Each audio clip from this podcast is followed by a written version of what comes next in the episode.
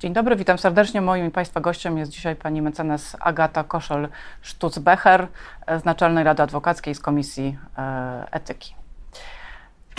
Dobry Pani redaktor, dzień dobry Państwu. Temat e, nasuwa się oczywisty jeden. W piątek Naczelna Rada Adwokacka e, znowelizowała kodeks etyki i jak się wydaje, zafundowała adwokatem rewolucję reklamową. Aczkolwiek słowo reklama chyba nie pada. Nigdzie mamy, yy, mamy cały czas przekaz, iż oto adwokaci zyskali możliwość przekazywania informacji handlowych. Więc proszę mi powiedzieć, mamy do czynienia z rewolucją, czy to tylko ewolucja? Myślę, że to jest zmiana, która e, prowadzi do tego, że e, przepisy kodeksu etyki adwokackiej są zgodne z przepisami dyrektywy. Dostosowaliśmy te przepisy zgodnie e, z wymogami artykułu 24 dyrektywy tak zwanej usługowej. Czy to jest rewolucja? W mojej ocenie nie jest to rewolucja. Pojęcie informacji handlowej jest pojęciem szerszym od reklamy. Chcieliśmy to pojęcie dostosować do właśnie pojęć, które, których definicja znajduje się w dyrektywach unijnych. O reklamie e, nasze środowisko dyskutowało od wielu lat. E, dyskusja toczyła się na kanwie tego, co jest reklamą dozwoloną, co jest niedozwolone. E, I w zakresie dostosowania tego kodeksu etyki adwokackiej właśnie do przepisów dyrektyw dobrze było zastosować sformułowanie, które obejmuje szerszy zakres, jest zgodny z tymi dyrektywami, operuje takim samym pojęciem. E, bo reklama nie obejmuje na przykład pojęć e, akwizycji, e, nie obejmuje sponsoringu, mecenatu, wszystkich tych takich form, które wychodzą szerzej. Prace, jak sama Pani zauważyła, nad zmianami trwały bardzo długo. No, można odnieść wrażenie, że jednak to postępowanie naruszeniowe przeciwko Polsce, które wszczęła Komisja Europejska w lutym, chyba zmotywowało środowisko adwokatów do, do sfinalizowania tych prac. Czy my mówimy o piśmie, rozumiem, komisarza z 15 lutego tego roku, tak? Pismo, e, procedura, którą e, prowadziła e, Naczelna Rada Adwokacka, rozpoczęła się już o wiele wcześniej. Rozpoczęła się 15 e, kwietnia, można powiedzieć, został już powołany, 2021 roku został powołany zespół, który miał za zadanie opracować te, i przygotować te zmiany pod przewodnictwem Przemysława Stęchłego. E, I e, te prace rozpoczęły się już o wiele wcześniej, także w momencie, kiedy otrzymaliśmy to pismo, w zasadzie byliśmy już na etapie końcowym tej procedury, no, która jest e, znacznie e, jest skomplikowana i wymagała przeprowadzenia wielu, wielu czynności, e, włożenia pracy, ba, wykonania badań, konsultacji, tak, aby wszystko było zgodne z dyrektywą e, unijną, e, która e, no, weszła w życie 28 stycznia 2021 roku, to znaczy ta zmiana w ustawie o kwalifikacjach zawodowych i rozdział 6a w tej ustawie na skutek tej dyrektywy właśnie w z tą datą. I wobec tego no, zmiany w kodeksie etyki musiały być przeprowadzone zgodnie z wskazaną tam procedurą. Proszę powiedzieć, co teraz po tych zmianach adwokaci mogą robić, czego nie mogli robić przed zmianami. Na przykład weźmy sobie taki, e, taki przykład. E, adwokat chce umieścić e, ogłoszenie w gazecie albo w internecie. Mecenas Jan Kowalski, najle, najlepszy specjalista w danej dziedzinie. To jest niedopuszczalne, prawda? Bo mamy tutaj ten element ocenny, że jest najlepszy. To jest nie może.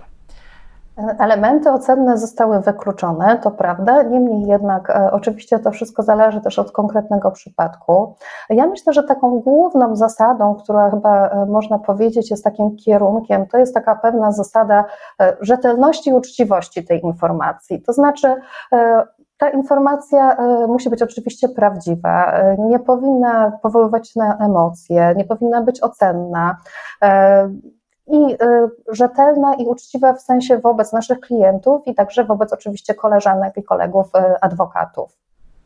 A gdyby, gdyby ktoś na przykład chciał zamieścić y, ogłoszenie, mecenas Jan Kowalski na rynku od pięciu lat do tej pory nie przegrał żadnej sprawy karnej. I to są fakty, bo to jest, to jest do zweryfikowania. Czy taka, takie ogłoszenie byłoby dopuszczalne w świetle nowych zasad? Ja powiem w ten sposób.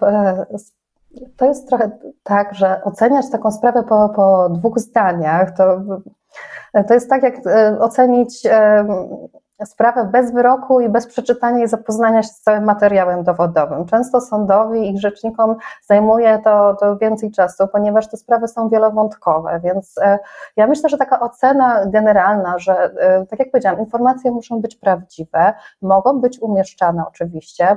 E, w związku z dyrektywą usługową, o której mówimy, co do której zostały dostosowane te przepisy, Ważna jest treść, nie forma, tak? Czyli e, musimy e, patrzeć, aby e, treść, którą umieszczamy, odpowiadamy za tą treść, która jest umieszczana, była prawdziwa, rzetelna i nie wprowadzająca błąd, nie porównująca.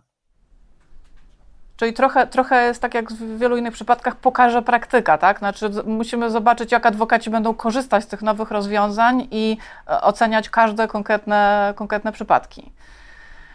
Tak, tak. Przepisy są skonstruowane w taki sposób, że e, są to przepisy generalne i abstrakcyjne. E, no nie da się objąć i konkretnie uregulować wszystkich przypadków, to by było e, no, niezgodne z zasadami prawidłowej legislacji. Także myślę, że oczywiście będą szkolenia prowadzone, myślę, że i dla rzeczników, i dla adwokatów. W planach jest nawet wydanie komentarza. Także jeżeli ktokolwiek ma wątpliwości, zawsze może to skonsultować z rzecznikami dyscyplinarnymi. E, natomiast e, myślę, że adwokaci wiedzą, wiedzą, e, kierując się godnością, kierując się rzetelnością i uczciwością, myślę, że da się to rozgraniczyć. A Prace, prace trwały długo. Pani brała udział też w, w konstruowaniu tego ostatecznego kształtu nowelizacji. Czy były jakieś kontrowersyjne rozwiązania, albo na przykład, na przykład takie bardziej dalej idące, które ostatecznie no, nie zyskały aprobaty? Znaczy, e, ten projekt, e, on e, podlegał zmianom, to znaczy wpływały zarówno uwagi w ramach konsultacji wewnętrznych i zewnętrznych. Same kierunki tych zmian zostały Pierwszy przedstawione e, po wykonaniu badań e, ilościowych i jakościowych, e, których wyniki zostały zaprezentowane już w listopadzie. Badań, jak rozumiem, środowiskowych, prawda? Nie, nie tylko, też również zewnętrznych, nie tylko w naszym środowisku. Także to były dwa odrębne badania. Jedne badania były przeprowadzone przez pana profesora Ryszarda Sowińskiego z Wyższej Szkoły Bankowej w Poznaniu i to były badania e, na e, e, adwokatach. Natomiast pan dr Marek Gnusowski z Uniwersytetu Ekonomicznego przeprowadził badania na konsumentach, które te badania posłużyły do tego, żeby ustalić, czy wymagane są te zmiany, czy te zmiany są uzasadnione i następnie ustalono kierunki tych zmian. Dopiero potem przedstawiono e, proponowane e, projekty, które podlegały z kolei konsultacjom wewnętrznym i zewnętrznym i do, na podstawie tych konsultacji również jeszcze zostały wprowadzone zmiany do tych przepisów, tak aby e, je ostatecznie zaproponować w obecnym kształcie. Cofnijmy się jeszcze do tych drugich badań. Czego oczekiwali konsumenci? Bo domyślam się, że no, każdy w pewnym momencie staje przed potrzebą znalezienia prawnika i no, jak się wydaje, żyjemy w takich czasach, kiedy poczta pantoflowa to za mało. Trzeba szukać innych źródeł.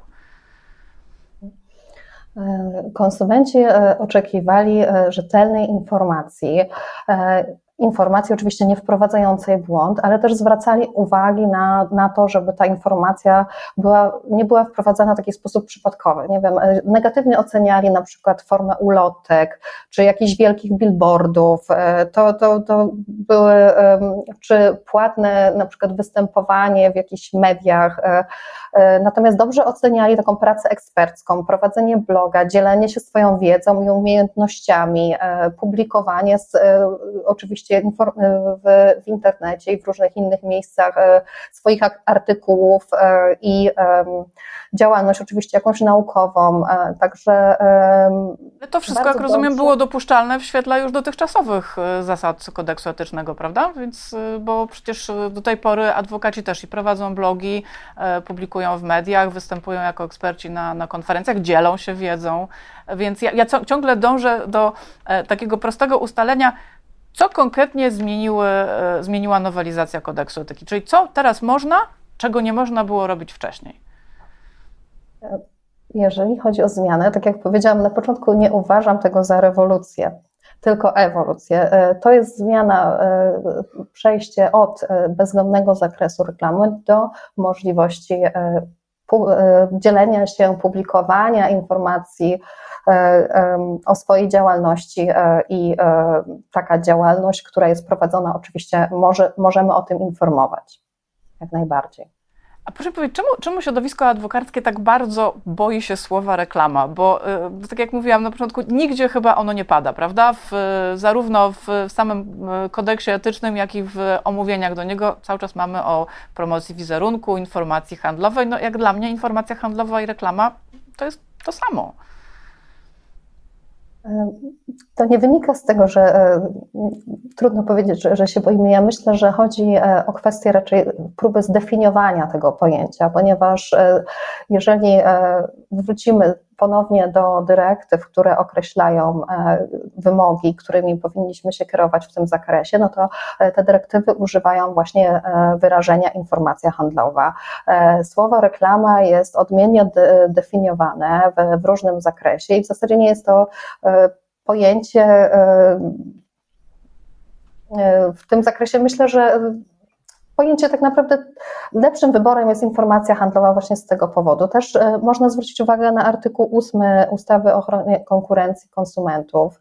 E, poleganie na, na, informacji handlowej, tak jak powiedziałam, obejmuje szerszą ilość przypadków i wydaje się, że to e, użycie tego pojęcia jest po prostu w związku z, tym, z przepisami krajowymi, jak i unijnymi lepszym wyborem. Może też o to chodzi, że reklama kojarzy się, mówiąc kolokwialnie, z wciskaniem kitu, a przecież to nie tym się zajmują adwokaci. Informacja handlowa ma taki neutralny wydźwięk również w warstwie językowej, prawda? Też można tak uzasadnić. Jeszcze co wynikło z badań, e, o których e, mówiłyśmy wcześniej, e, to było to, że jest o wiele wyższy oczekiwania co do jakości e, i przekazywania tych informacji przed, e, przez adwokatów. To znaczy, e, to nie jest tak, że u nas wystarcza taka zwykła rzetelność kupiecka, taka w powszechnym tego rozumieniu, tak? Oczekuje się jednak od nas więcej.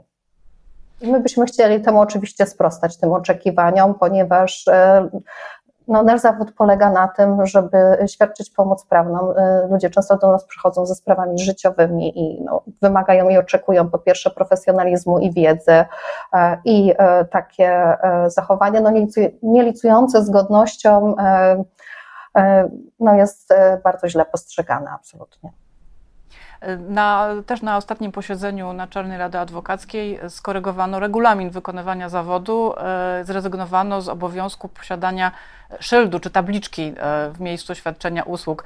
E, o znaczy rozumiem, że to jest wygodne rozwiązanie, ale zdziwiło mnie to o tyle, że akurat szyld czy tabliczka jest czymś, co raczej promuje wizerunek, więc mamy tu krok w drugą stronę.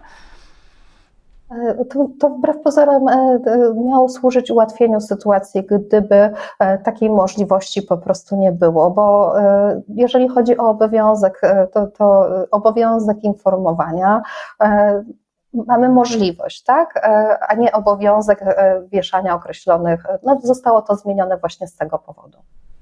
Czyli nie trzeba, ale można.